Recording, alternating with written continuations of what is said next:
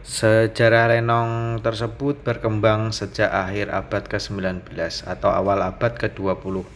Kesenian teatrikal tersebut mungkin merupakan adaptasi oleh masyarakat Betawi atas kesenian serupa seperti komedi bangsawan dan teater Istanbul yang sudah ada saat itu. Selain itu, Firman Maniman Betawi menyebutkan bahwa lenong berkembang dari proses teaterisasi musik gambang kromo dan sebagai tontonan sudah dikenal sejak 1920-an. Lakon-lakon lenong berkembang dari lawakan-lawakan tanpa alur cerita yang dirangkai hingga menjadi pertunjukan semalam suntuk dengan lakon panjang dan utuh. Namun, mulanya kesenian ini dipertunjukkan dengan mengamen dari kampung ke kampung.